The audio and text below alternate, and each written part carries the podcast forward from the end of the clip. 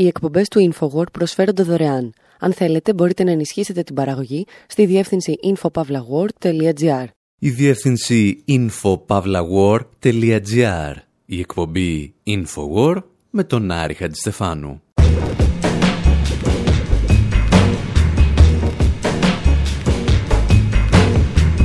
Όπου σήμερα παίζουμε και δεν παίζουμε μπάλα στα Παλαιστινιακά εδάφη παρακολουθούμε το ντοκιμαντέρ «Γιάλα Γιάλα, ποδόσφαιρο, πάθος και αντίσταση», το οποίο θα προβληθεί για πρώτη φορά στην Ελλάδα την Κυριακή στις 27 Οκτωβρίου στον Κινηματογράφο Στούντιο στην Αθήνα. Μια πρωτοβουλία του BDS Greece και της New Star Art Cinema. Αναρωτιόμαστε γιατί κάποιοι απαγόρευσαν την προβολή της ταινίας στην Αυστρία και τι είχαν να φοβηθούν. Σκεφτόμαστε πώς είναι να έχεις επιζήσει από τα στρατόπεδα εξόντωσης του Auschwitz και να έρχονται να σε αποκαλούν αντισημίτη κάποιοι που δεν πέρασαν ούτε απ' έξω. Ακούμε γι' αυτό μια γιαγιά να τραγουδάει σε μια συναυλία το Μπέλα Τσάο. Και ύστερα αλλάζουμε και δεν αλλάζουμε θέμα συζητάμε και τραγουδάμε για έναν μεγάλο φίλο του Παλαιστινιακού λαού και έναν μεγάλο ποδοσφαιριστή, τον Έρικ Καντονά. Τον αφήνουμε να δοκιμάζει τεχνικές κουνφού σε κάτι ασεβείς φιλάθλους και ύστερα να αναρωτιέται αν οι γλάροι τρώνε τις αρδέλες. Παρακολουθούμε δηλαδή τη ζωή ίσως του πιο τρελαμένου βασιλιά του ποδοσφαίρου.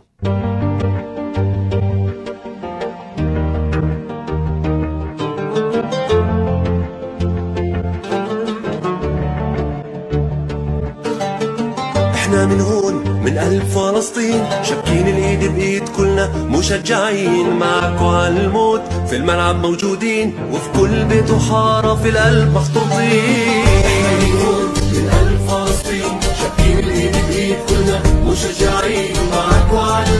في الملعب موجودين وفي كل بيت وحارة في القلب محطوطين وإنت يا مصر وريهم إزاي الكوره دي بتاعتك مفيش مستحيل على ابن النيل يلا يا رجالة قوموا ورايا. وحشتك يا يا تونس الخضرا في القلب يا. وإحنا معاكم فلسطينية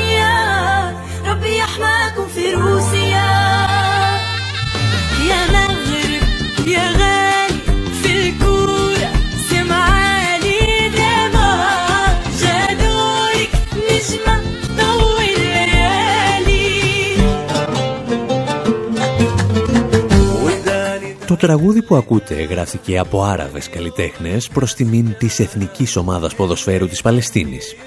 Μιας ομάδας, οι παίκτες της οποίας θα έπαιζαν καλή μπάλα εάν το κράτος του Ισραήλ δεν τους έβαζε φυλακή σε τακτά χρονικά διαστήματα για να μην σηκώνουν κεφάλι. Αυτή πάνω κάτω είναι και η ιστορία του ντοκιμαντέρ «Γιάλα Γιάλα» των Αργεντίνων σκηνοθετών Φερνάντο Ρωμανάντσο και Κριστιαν Πυροβάνο. Το πρόβλημα όταν κάνεις ένα ντοκιμαντέρ για τους παίκτες της Παλαιστίνης που δεν παίζουν ποδόσφαιρο είναι ότι κάποια στιγμή ίσως αρχίσει να μην παίζει και το ντοκιμαντέρ σου. Αρχές Σεπτεμβρίου του 2019, Βιέννη. Μια ομάδα διαδηλωτών συγκεντρώνεται έξω από τον κινηματογράφο Άρτης, κρατώντας παλαιστινιακές σημαίες. Θεωρητικά, εκεί θα ξεκινούσε η προβολή του ντοκιμαντέρ «Γιάλα Γιάλα» για το παλαιστινιακό ποδόσφαιρο.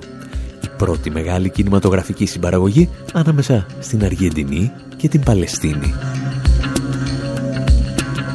Η προβολή όμως έχει μόλις ακυρωθεί με απόφαση της εταιρείας Cineplex, η οποία ελέγχει το μεγαλύτερο δίκτυο διανομής ταινιών στην Αυστρία.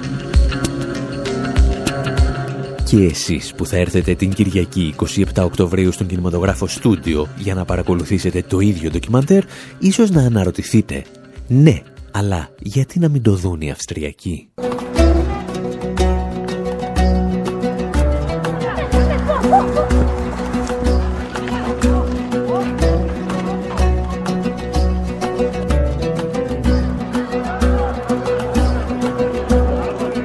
ντοκιμαντέρ είναι μια εξαιρετική αφήγηση για όσα ζουν στην καθημερινότητά τους οι Παλαιστίνοι ποδοσφαιριστές. Τις φυλακίσεις, τον εξευτελισμό, τους βομβαρδισμούς από το Ισραήλ, αλλά και την απόλαυση να παίζεις μπάλα σε πείσμα του κατακτητή. Πέραν αυτόν όμως, δεν υπάρχει κανένας λόγος να απαγορευτεί η προβολή του ντοκιμαντέρ. Το πρόβλημα, λέει, της αυστριακής εταιρείας διανομής ήταν ότι την προβολή στήριζε το BDS, το διεθνές κίνημα για τον μποϊκοτάζ, την απόσυρση επενδύσεων και τις κυρώσεις εναντίον του κράτους του Ισραήλ. Και κάπου εκεί ξεκινούσε ένας πόλεμος, η πραγματική στρατηγή του οποίου δεν βρίσκονταν στη Βιέννη, αλλά στο Τελαβίβ. Καθώς το BDS κατάφερνε όλο και σημαντικότερες νίκες αναγκάζοντας μεγάλες εταιρείες αλλά και καλλιτέχνες να απομακρυνθούν από το Ισραήλ, το Τελαβίβ άρχισε να οργανώνει την αντεπίθεση του. La lutte contre le boycott C'est l'intitulé d'une rencontre avec Yossi Cohen, directeur du Mossad, mentionné en 2018 dans les agendas de travail de Gilad Erdan. Τον Ιούνιο του 2019, διεθνή μέσα ενημέρωσης αποκαλύπτουν αυτό που όλοι γνωρίζαμε. Ότι το Ισραήλ έχει ρίξει στη μάχη εναντίον του BDS ακόμη και τις μυστικές υπηρεσίες της Mossad. Την αποκάλυψη κάνει η Ισραηλινή εφημερίδα Χαρέτζ, η οποία φέρνει στο φως τις επαφές που είχε για το θέμα ο διευθυντής της Μοσάντ, Γιώση Κοέν, με τον Υπουργό Στρατηγικών Υποθέσεων του Ισραήλ, Γκίλαντ Ερντάν. Ο Ερντάν είναι ο επικεφαλής της επιχείρησης λάσπης του Ισραήλ εναντίον του κινήματος BDS και για να πετύχει τον στόχο του έχει στη διάθεσή του έναν προϋπολογισμό αρκετών εκατομμυρίων δολαρίων. Και τι κατάφερε το Ισραήλ με αυτή την επιχείρηση; Μεταξύ άλλων να κατηγορήσει μερικούς επιζώντες του ολοκαυτώματος για αντισημιτισμό και έναν συνεργάτη του Νέλσον Μαντέλα για ρατσισμό. Ιστορίες δηλαδή για να έχουμε να λέμε ύστερα από ένα μικρό διάλειμμα.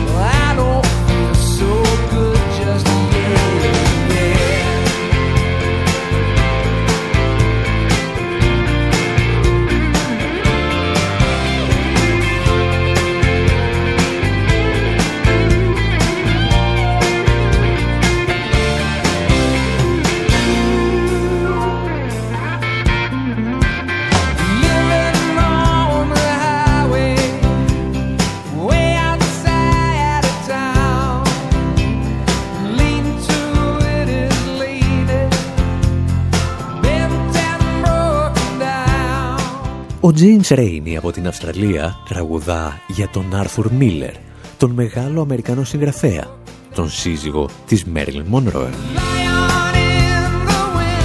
Οι μοναδικές ιδιότητες του όμως που μας αφορούν σήμερα είναι ότι ο Άρθουρ Μίλλερ ήταν Εβραίος και σεναριογράφος της τηλεοπτικής παραγωγής του CBS Playing for Time. This is the true story of Panya Fenelon, a singer with all Paris at her feet, until the Nazi terror caged her in a camp where some would do anything to survive. Το Playing for Time, στο οποίο πρωταγωνιστούσε η Vanessa Redgrave, διηγείται την ιστορία της περίφημης ορχήστρας γυναικών του Auschwitz. Της ορχήστρας με Εβραίες ως επιτοπλίστων γυναίκες που είχαν δημιουργήσει οι ναζιστές αξιωματούχοι στο στρατόπεδο εξόντωσης. Η τηλεοπτική παραγωγή αποτέλεσε μεγάλη επιτυχία το 1980. Η μετάδοση όμως απαγορεύτηκε σε μία χώρα, στο Ισραήλ. Το Τελαβίβ ήταν εξοργισμένο με το γεγονός ότι η Βανέσα Ρεντγκρέβ ασκούσε κριτική στα εγκλήματα της χώρας εναντίον των Παλαιστινίων. Μία ταινία δηλαδή που γυρίστηκε για να καταδικάσει τα εγκλήματα των Ναζί εναντίον των Εβραίων απαγορεύτηκε στο Ισραήλ και οι περίεργες σχέσεις του κράτους του Ισραήλ με την ορχήστρα γυναικών του Auschwitz δεν σταματούσαν εκεί. Die mit ihren Eltern mitgehen wollten, wurden aufgehalten. Ihnen wurde gesagt, sie könnten auch laufen. Η κυρία που ακούτε είναι η Έστερ Μπεχαράνο, το μοναδικό εν ζωή μέλος της ορχήστρας γυναικών του Auschwitz. Τι γνώμη έχουν για αυτή στο Ισραήλ; Την κατατάσσουν στους αντισημίτες. Με έχουν χαρακτηρίσει, λέει η ίδια, σαν αντισημίτρια επειδή μιλάω για την απάνθρωπη μεταχείριση των Παλαιστινίων. Στην πραγματικότητα βέβαια, το αληθινό της έγκλημα είναι ότι τα τελευταία χρόνια υποστηρίζει τις προσπάθειες του διεθνούς αντιρατσιστικού κινήματος BDS για τον μποϊκοτάζ του Ισραήλ. Και αν στηρίζεις τον BDS, κάποιοι είναι ικανοί να σε χαρακτηρίσουν ακόμη και αρνητή των στρατοπέδων εξόντωσης. Ακόμη και αν εσύ ήσουν στα στρατόπεδα εξόντωσης και αυτοί όχι.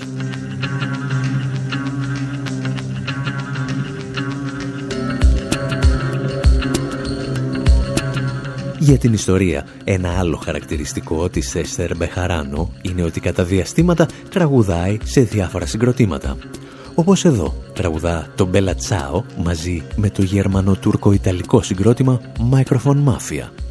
Την ακούμε σε ζωντανή ηχογράφηση και επιστρέφουμε. Dortmund, wo seid ihr? Una mattina mi son svegliato, oh bella, bella, bella.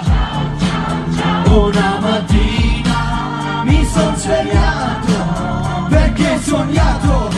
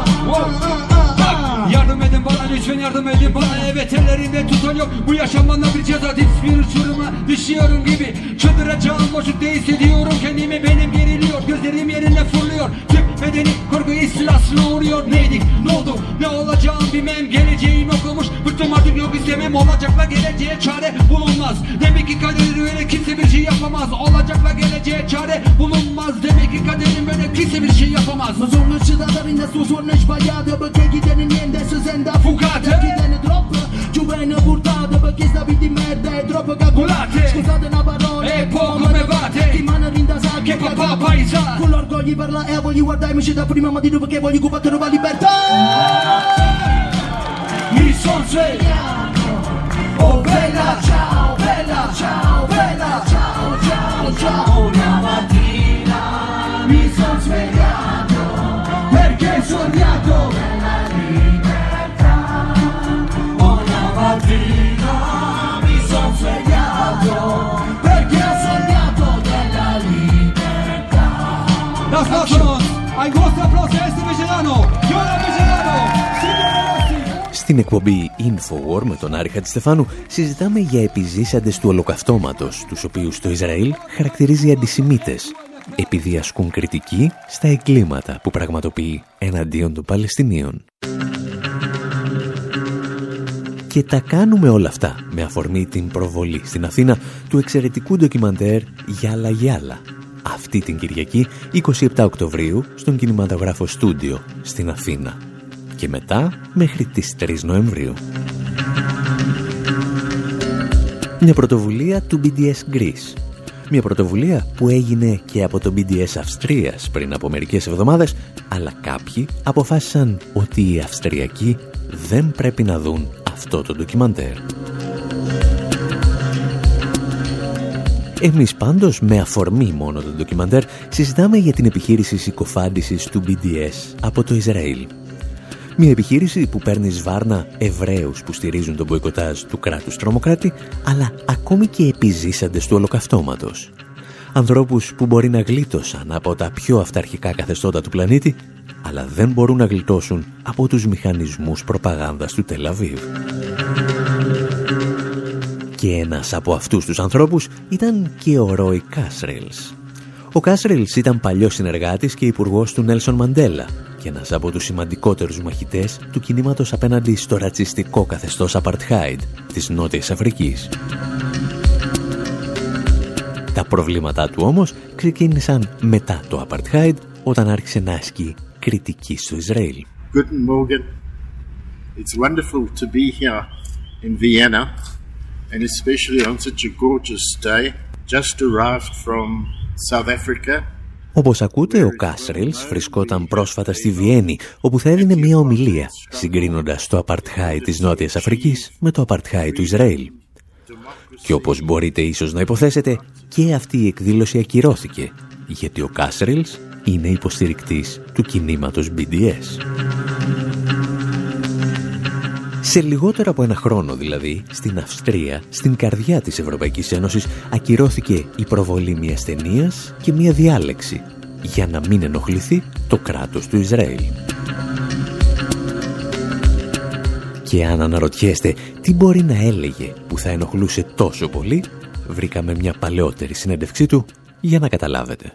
We South Africans have a saying and we quote Nelson Mandela who said that we South Africans can't feel free until the Palestinians are free. Uh, that signifies Εμείς οι Νοτιοαφρικανοί έχουμε ένα βρωμικό και επαναλαμβάνουμε τα λόγια του Νέσον Μαντέλα που είπε Δεν μπορούμε να νιώσουμε ελεύθεροι μέχρι να ελευθερωθούν και οι Παλαιστίνοι. Άνθρωποι υποφέρουν, είναι θύματα διακρίσεων, καταπιέζονται από άκρη σ' άκρη αυτού του κόσμου. Ιδιαίτερα όμως στην Παλαιστίνη έχουν χάσει τα πατρογονικά τους δικαιώματα, τη γη τους, ζουν υποκατοχή όχι μόνο στις κατεχόμενες περιοχές, αλλά και μέσα στο ίδιο το Ισραήλ που τους αντιμετωπίζει σαν πολίτες δεύτερης κατηγορίας. Εξευτελίζονται συνεχώς σε όποια πλευρά των συνόρων και αν βρίσκονται, αντιμετωπίζουν σκληρά και βάρβαρα μέτρα από τον Ισραηλινό στρατό. Καθώς δεθήκαμε και εμείς αλληλεγγύη όταν παλεύαμε για τα δικαιώματά μας στη Νότια Αφρική, νιώθουμε μαζί με τον Μαντέλα ότι πρέπει να σταθούμε δίπλα στον Παλαιστινιακό λαό. feel along with Mandela that we need to stand by the Palestinian people. το να θυμίζεις ότι ο Νέλσον Μαντέλα βρισκόταν πάντα στο πλευρό των Παλαιστινίων σε αντίθεση με διάφορους αριστερούς και δεξιούς που αναφέρουν το όνομά του επί Ματέο είναι από μόνο του αρκετά ενοχλητικό για το Ισραήλ. Αυτό όμως που ενοχλεί περισσότερο είναι το γεγονός ότι σύμφωνα με τον Κάσρελς τα εγκλήματα του Ισραήλ εναντίον των Παλαιστινίων είναι πολύ χειρότερα από τα εγκλήματα του αιμοσταγούς καθεστώτος της Νότιας Αφρικής εναντίον των μαύρων. We feel, uh, and not just emotionally, but studying Israeli law, Νιώθουμε όχι μόνο συναισθηματικά αλλά και σε νομικό επίπεδο ότι υπάρχουν μεγάλες ομοιότητες ανάμεσα στο Ισραήλ και στο νότιο Αφρικανικό Απαρχάιτ. Όταν επισκεπτόμαστε το Ισραήλ και τις κατεχόμενες περιοχές όπως έκανε ο επίσκοπος Ντέσμον Τούτου, όλοι μας αισθανόμαστε ένα ντεζαβού ότι αυτό το έχουμε ξαναζήσει. Στην Παλαιστίνη όμως η κατάσταση είναι χειρότερη από όσα συνέβησαν στην Νότια Αφρική. Γιατί όσο κακό και τρομερό και να ήταν το Απαρχάιτ, δεν είδαμε τάγκς και τα μαχητικά αεροσκάφη να πετύχουν στι αφρικανικές κοινότητες και να πυροβολούν εναντίον άμαχου πληθυσμού. Αυτό δεν συνέβη. Πιστεύουμε ότι αυτό που συμβαίνει στις κατεχόμενες περιοχές περιοχές της Παλαιστίνης είναι πολύ χειρότερο από την Νότια Αφρική.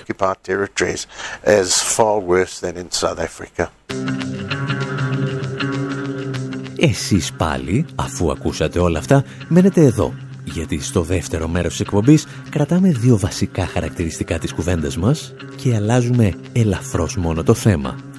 Συζητάμε για την Παλαιστίνη και τον βασιλιά του ποδοσφαίρου Έρικ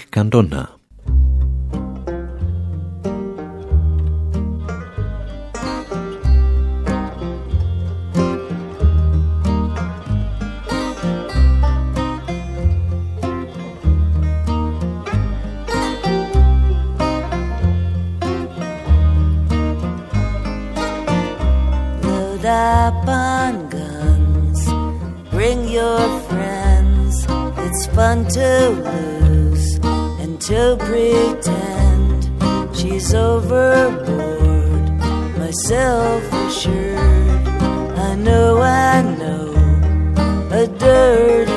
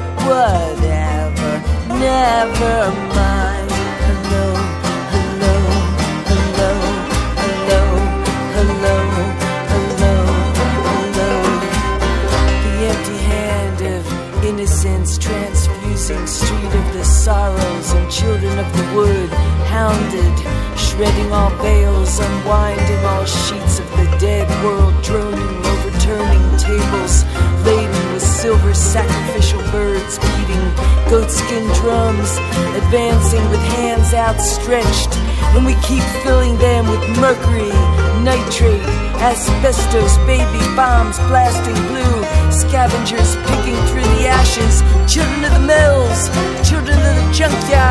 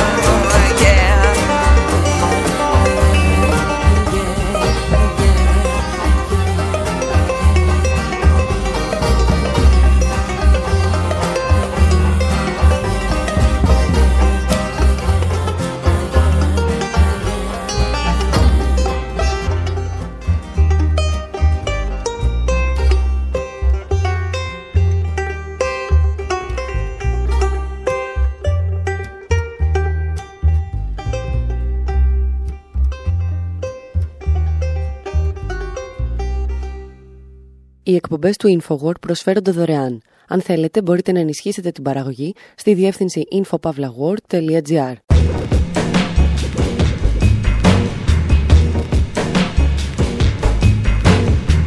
Η εκπομπή InfoWord με τον Άρη Χατζηστεφάνου. Όπου ανοίγουμε κουβέντα για το ποδόσφαιρο και για την Παλαιστίνη. Και αυτή η κουβέντα μας φέρνει πάντα στον ίδιο άνθρωπο, τον βασιλιά της Manchester United, Eric Cantona. Τον βλέπουμε να δοκιμάζει νέες τεχνικές κουνφού και όταν τον ρωτάνε γιατί τα κάνεις αυτά, να απαντά με ιστορίες για γλάρους και για σαρδέλες. Τον αφήνουμε δίπλα στην Πάτη Σμιθ να απαγγέλει ποίηματα για τους εχθρούς του ήλιου και παρακολουθούμε τον Κεν Loach να τον κάνει ταινία. Και ανάμεσα σε όλα αυτά ακούμε 5-6 τραγουδάκια που εντοπίσαμε για αυτόν στο ίντερνετ.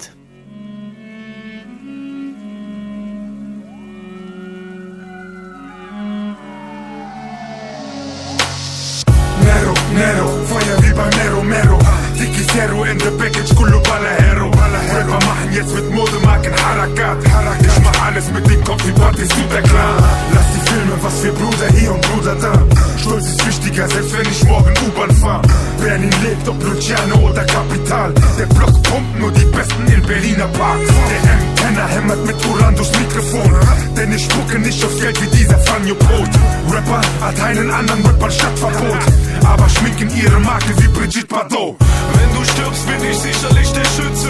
Rap ist wie FIFA, sie spinnen, wenn ich drücke. Rapper hängen wie Gazellen an den Pfützen Sie schlüpfen aus den Eiern und die kriechen Richtung Küste Ich ramm diesem Rapper in die Hüfte und falle Brüder nur beim Regen in den Rücken. Unkreative Rapper sind wie Zysten Ich seine einfach keinen, nur um mich vor euch zu schützen halluzinieren, wie bei Blow Ich komm mit Hamadis, ihr kommt mit ner Daily Soul. Manche rappen, aber Rap hat sich verändert, Bro. 99% fake, nur 1% so real wie Bones. Klagen hoch wie Eric Cantona, denn ich blut für die Fans. Gentleman. Darf ich spitten, wenn ich slam? Deine Gang hang mit ner Gang, meine Gang ist deine Gang, wenn. Kragen hoch wie Eric Cantona, na, na. Steh wie ne Eins, Eric Cantona, na, na.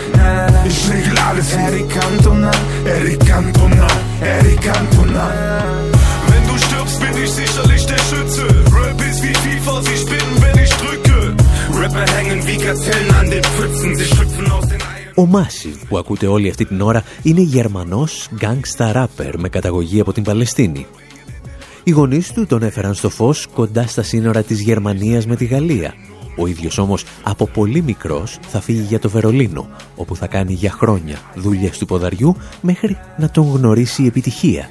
Και μαζί της η δισκογραφική εταιρεία Sony. Στο συγκεκριμένο τραγούδι, οι γερμανόφωνοι και οι ποδοσφαιρόφιλοι θα αναγνωρίσετε ονόματα ποδοσφαιριστών όπως ο Μπατιστούτα και πολλές αναφορές στην UEFA και τη FIFA. Το τραγούδι όμως είναι γραμμένο για τον βασιλιά Έρικ Καντονά. Να στέκεσαι λέει και να έχεις τον απόλυτο έλεγχο, σαν τον Καντονά.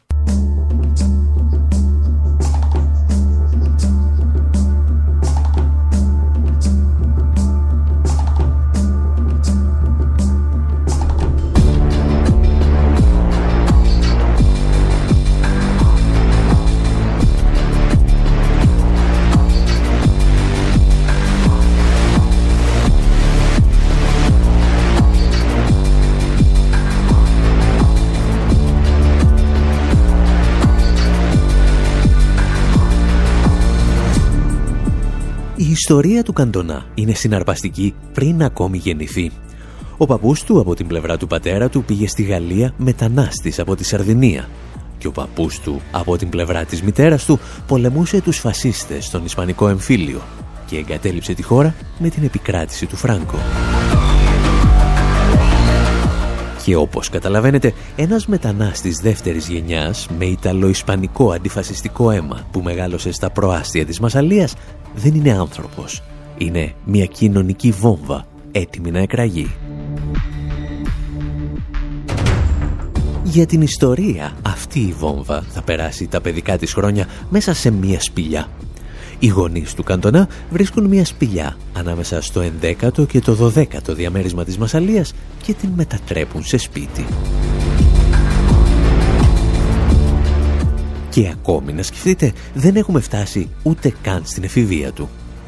Για να αλλάξουμε χρονολογική πίστα θα χρειαστούμε τη βοήθεια του γαλλομαροκινού ράπερ Λαφουίν.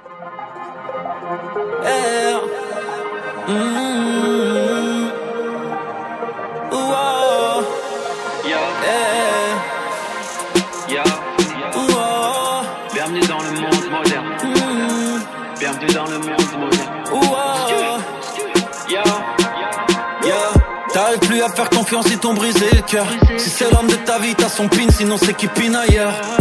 Petite sœur, faut t'endurcir. Sur net, l'amour s'envole comme l'oiseau de Twitter. Je me rappelle de mon pote foot. Aimer les femmes de la night. Il l'a rencontrée dans un club, il est tombé amoureux d'elle. Elle est pas là pour son oseille, mais son oseille est là pour elle. On est déjà en 2018. C'est fou ce que les années séparent. Ma gamine a bientôt 16 piges. À son âge, j'étais au cap plat. Déjà mineur, j'étais accro, j'étais à l'eau. au fait, l'alcool c'est de l'eau. Et ne, me prends pas dans tes bras. Je suis chaud comme quand on a comme Evra. J'ai quitté le collège en mauvais termes. L'argent qui dort me des grosses cernes. C'est pour les frères qui ont pris des longues peines. Y'a que devant le bon Dieu qu'on se prosterne. Il est vrai, j'ai beaucoup d'ennemis. C'est toujours mieux que les faux amis. J'étais pauvre, j'avais besoin d'SB. C'est avec un stylo qu'on s'exprime. Yeah. Ils m'ont tiré dessus plus d'une fois. Et je me suis relevé plus d'une fois pas mort jeune, pourtant j'aurais pu. J'ai pas voulu leur faire du mal, pourtant j'aurais dû. Mineur, je finissais en garde à mais je donnais pas de nom. Mon père venait me chercher en bus, on n'avait pas de gauve. On n'avait pas de love, on n'avait pas de range, on avait toutes ces belles choses. Toutes ces belles choses.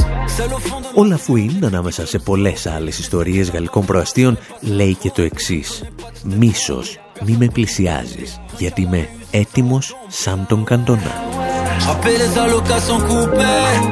Πρόκειται για μια αναφορά σε μια από τις διασημότερες στιγμές στην καριέρα του Καντονά, η οποία αν και σημειώνεται μέσα σε ένα γήπεδο, δεν έχει και τόση σχέση με ποδόσφαιρο.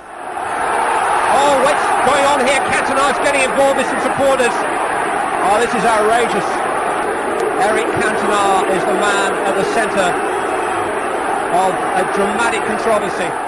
Το 1995, εκτός φάσης, ο Καντονά κλωτσάει τον αμυντικό της Crystal Palace και τιμωρείται με κόκκινη κάρτα. Στο δρόμο όμως για τα αποδητήρια τον βρίζει ένας χούλιγκαν και ο Καντονά τον χτυπά και με τα δύο του πόδια στο στήθος, με μια κίνηση που θα μείνει στην ιστορία ως η κουνφου κλωτσιά του Καντονά. Μερικές εβδομάδες αργότερα ανακάζεται να δώσει συνέντευξη τύπου μαζί με το δικηγόρο του και τους τεχνικούς της ομάδας του. Δημοσιογράφοι από όλο τον κόσμο έχουν συγκεντρωθεί για να τον ακούσουν να απολογείται και να ζητά συγγνώμη. Για μερικά δευτερόλεπτα ο χρόνος ακινητεί. Τα φλάς από τις κάμερες σταματούν. Ο Καντονά παίρνει το μικρόφωνο και λέει μια φράση που θα αλλάξει για πάντα την ιστορία των αθλητικών συνεντεύξεων τύπου.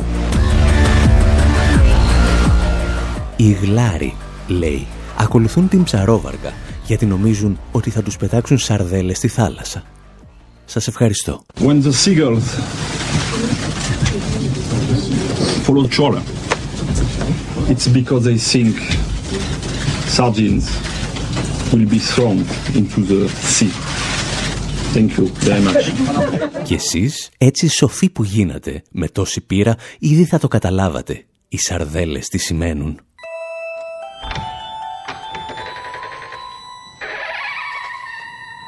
À l'heure des caprices des footballeurs en plastique. Laissez place à l'artiste, le seul et l'unique. Quand on a Eric, terrible. Technique de dribble, ça va trop vite. Et toi t'hésites, je te le jure sur la tête de l'arbitre. Il met à l'amende, à la demande et demande. Son talent était trop grand pour la France. Exilé de l'autre côté de la Manche. Il redonne le sourire, une lumière à sa carrière. Il laisse des souvenirs dédicaces à des Il explose les barrières, le Frenchie. Franchit avec honneur les frontières Parce qu'ici le sélectionneur est un sac à merde Qu'il aligne sa mère, les supporters adverses se lèvent et applaudissent S'appelle un spécialiste Comme tu dévis, il offre le à Leeds Cécile aurait des vies Sac à merde.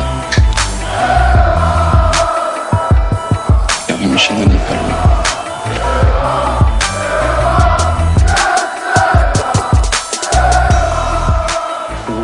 Στην εκπομπή Infowar με τον Άρη Χατζηστεφάνου ακούμε ιστορίες για τον Γάλλο βασιλιά της Manchester United, τον εγγονό του μαχητή του Δημοκρατικού Στρατού που σκότωνε φασίστες στον Ισπανικό εμφύλιο.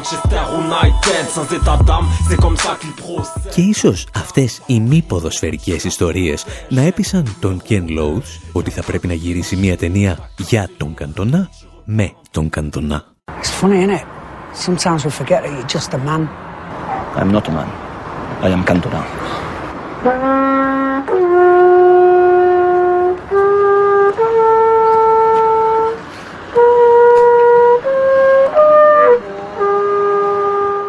Όσοι δεν ασχολείστε με το ποδόσφαιρο, ίσως να γνωρίσατε για πρώτη φορά τον Καντονά από την ταινία «Αναζητώντας τον Ερικ» του Ken Loach. Είναι ένα ταξίδι στον μαγικό κόσμο του ποδοσφαίρου, το οποίο ποδόσφαιρο ενίοτε εμφανίζεται ως το όπιο του λαού και ενίοτε ως η καρδιά ενός άκαρδου κόσμου, ανάλογα με το ποια φράση του Μάρξ προτιμάται.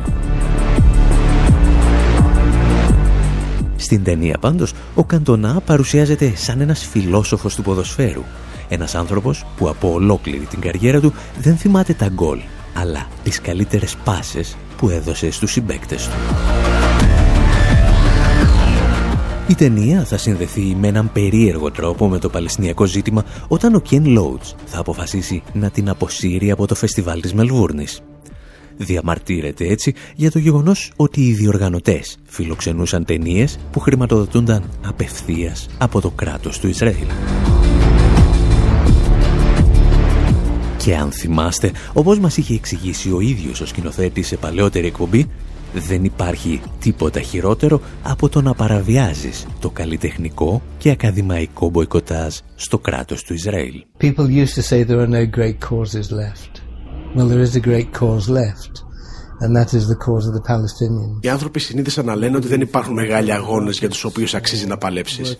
Υπάρχει όμως ο αγώνας των Παλαιστινίων. Είτε θεωρούμε τους εαυτού μας καλλιτέχνες ή απλούς εργαζόμενους, πρέπει να στηρίζουμε τους Παλαιστίνιους με οποιονδήποτε τρόπο αυτοί μας το ζητάνε. Δεν πρέπει να ξεχνάμε ότι πρόκειται για ένα λαό που του έκλεψαν τη γη. Η ζωή τους σημαδεύεται καθημερινά από την καταπίεση. Τους απομακρύνουν από τις οικογένειές τους και δεν επιτρέπουν να ταξιδέψουν ούτε από ένα σημείο της Παλαιστίνης στο άλλο. Οι άμαχοι σφαγιάζονται, τα σπίτια τους καταστρέφονται και τα πανεπιστήμια παραμένουν κλειστά. Κανένας άλλος λαός στον κόσμο δεν βιώνει τη δική τους καταπίεση. Πρέπει λοιπόν να τους υποστηρίξουμε και για μένα αυτό σημαίνει ότι δεν θα εργαστώ ποτέ στο Ισραήλ, αλλά ούτε για ανθρώπους που στερίζονται από το κράτος του Ισραήλ. Ξέρω ότι υπάρχουν Ισραηλινοί πολίτες που είναι σύμμαχοι των Παλαιστινίων. Εάν όμως μια οργάνωση στερίζεται από το Ισραηλινό κράτος που καταπιέζει τους Παλαιστίνιους, δεν πρέπει να έχουμε καμία σχέση μαζί της. Καλό λοιπόν όλους να στηρίξουν το καλλιτεχνικό και ακαδημαϊκό μποϊκοτάζ, γιατί αν δεν το κάνετε, στηρίζετε ένα από τα πιο καταπιαστικά καθεστώτα που μπορείτε να φανταστείτε. Because if you don't, you are supporting one of the most oppressive regimes we can imagine. Ο Καντονά θα διδαχθεί, όπως φαίνεται από το Ken Loach, την αγάπη για τον Παλαιστινιακό λαό και θα αρχίσει να μάχεται γι' αυτόν. Το 2012, όταν ένας Παλαιστίνιος ποδοσφαιριστής θα ξεκινήσει απεργία πείνας για την ανέτεια σύλληψη και κράτησή του από τα Ισραηλινά στρατεύματα κατοχής, ο Καντονά θα είναι από τους πρώτους αστέρες του ποδοσφαίρου που θα σταθούν δίπλα του μαζί με τον Μισελ Πλατινί, τον Φρεντερίκ Κανουτέ, αλλά και εκατοντάδες διανοούμενους από όλο τον κόσμο. Και έκτοτε θα βρίσκεται πάντα εκεί, δίπλα στον Παλαιστινιακό λαό. Israel is coming under attack from a cohort of football players and major leagues throughout Europe and the Far East for what they consider Israeli aggression against Palestinians. Το Ισραήλ δέχεται επίθεση από ομάδα ποδοσφαιριστών και μεγάλων πρωταθλημάτων σε όλη την Ευρώπη και την Απανατολή για την επιθετικότητα κατά των Παλαιστινίων. Οι αθλητές καλούν την ΟΕΦΑ να ανακαλέσει την πρόσφατη απόφασή της για τη διοργάνωση του Ευρωπαϊκού Πρωταθλήματος κάτω των 21 ετών στο Ισραήλ. Κορυφαίοι ποδοσφαιριστές, μεταξύ των οποίων και ο μέσο Εντένα Ζάρ της Τσέλση, εξέδωσαν ανακοίνωση καταδικάζοντας την απόφαση να επιβεβαιωθεί το Ισραήλ έπειτα από την πρόσφατη στρατιωτική του δράση στη Γάζα. Ο πρώην επιθετικός της Τσέλση, Ντιντία Ντορμπά, ήταν επίσης από τους υπογράφοντες ανακοίνωσης που εκδόθηκε από το Παλαιστινιακό κίνημα για μποϊκοτάζ, απόσυρση επενδύσεων και κυρώσεις που ισχυρίζεται ότι η απόφαση να διαργανωθεί το τουρνά στο Ισραήλ είναι άλλη μια κοιλίδα στην παγκόσμια συνείδηση. Ο πρόεδρος του ΕΦΑ, Μισελ Πλατινί, έχει αντισταθεί σε παλαιότερες πιέσεις να αφαιρέσει το τουρνά από το Ισραήλ. Από την πλευρά του, ο πρώην επιθετικός της Manchester United και της Γαλλίας, Ρίκα Τονά, με επιστολή του στην ΕΦΑ καταδικάζει τη φυλάξη Παλαιστινίων ποδοσφαιριστών χωρίς δική. Palestinian footballers.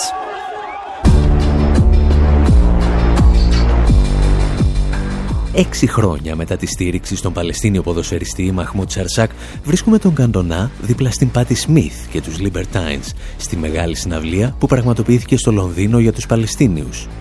Και ο τίτλος της ήταν Hoping από τη φράση Hope and Optimism for Palestinians in the Next Generation.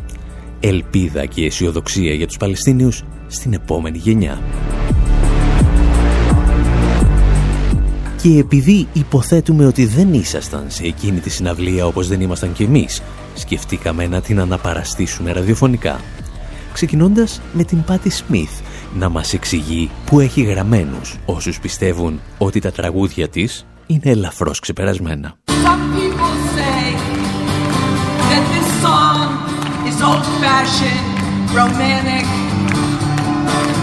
And I have this to say. We the people, if we gather together, together, locally, if our young people do what they did in Parkland and start taking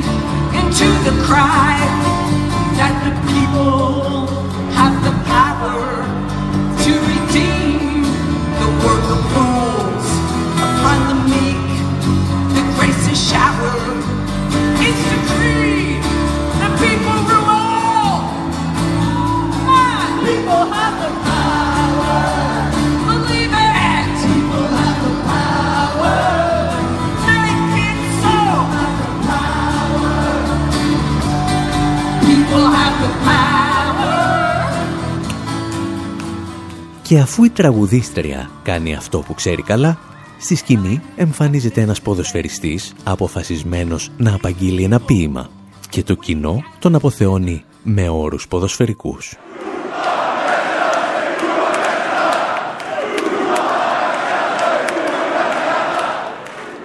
Ο Καντονά θα επιλέξει τον ποιητή Σαμίχ Κασέμ, που μόνο η δική του ιστορία θα αρκούσε να γεμίσουμε δύο εκπομπές. Παλαιστίνιος που ζούσε στο Ισραήλ θα μπει για πρώτη φορά στη φυλακή το 1960 επειδή αρνείται να καταταγεί στον Ισραηλινό στρατό. Και θα ξαναμπεί το 1967 γιατί πλέον είναι μέλος του Κομμουνιστικού Κόμματος ενώ ξεκινά ο πόλεμος των έξι ημερών. Και από όλα του τα ποίηματα, ο Ερικ Καντονά θα επιλέξει το Enemy of the Sun, που στα ελληνικά έχει μεταφραστεί «λόγος στην αγορά της ανεργίας. I may, if you wish, lose my livelihood. Ίσως να στερηθώ και το ψωμί μου. Ίσως το στρώμα ξεπουλήσω και τα ρούχα μου. Ίσως δουλέψω σκουπιδιάρης, πετροκόπος και χαμάλης. Ίσως να σοριαστώ γυμνός και πεινασμένος, εχθρέ του ήλιου αλλά δεν παζαρεύω και ως τον ίστατο χτύπο της καρδιάς μου θα αντιστέκομαι. Ίσως αρπάξεις από τη γη μου και την τελευταία σπιθαμή. Ίσως ταΐσεις στις φυλακές τη νιώτη μου. Ίσως μου κλέψεις την κληρονομιά του παππού μου, πιθάρια, έπιπλα και σκεύη. Ίσως καθίσεις πάνω από το χωριό μας σαν εφιάλτης τρόμου, εχθρέ του ήλιου. Αλλά δεν παζαρεύω και ως τον ίστατο χτύπο της καρδιάς μου θα αντιστέκομαι. Ίσως από τις νύχτες μου να σβήσεις κάθε φως, ίσως να στερηθώ της μάνας στο φιλί, ίσως και ένα παιδί να βρίσει το λαό μου, τον πατέρα μου. Ίσως να κλέψεις μια στιγμή απροσεξίας από τον φύλακα των πόνων μου. Ίσως πλαστογραφήσει την ιστορία μου ένας δηλός, μυθομανής θρησκόληπτος. Ίσως στερήσεις στα παιδιά μου καινούριο ρούχο στη γιορτή. Ίσως με δανεισμένο πρόσωπο, τους φίλους μου πλανέψεις. Ίσως υψώσεις γύρω μου τυχιά, τυχιά, τυχιά. Ίσως τις μέρες μου καρφώσεις στο σταυρό του εξευτελισμού, εχθρέ του ήλιου. Αλλά δεν παζαρεύω και ως τον ίστατο χτύπο της καρδιάς μου θα αντιστέκομαι. Θα αντιστέκομαι. I shall resist. I shall resist.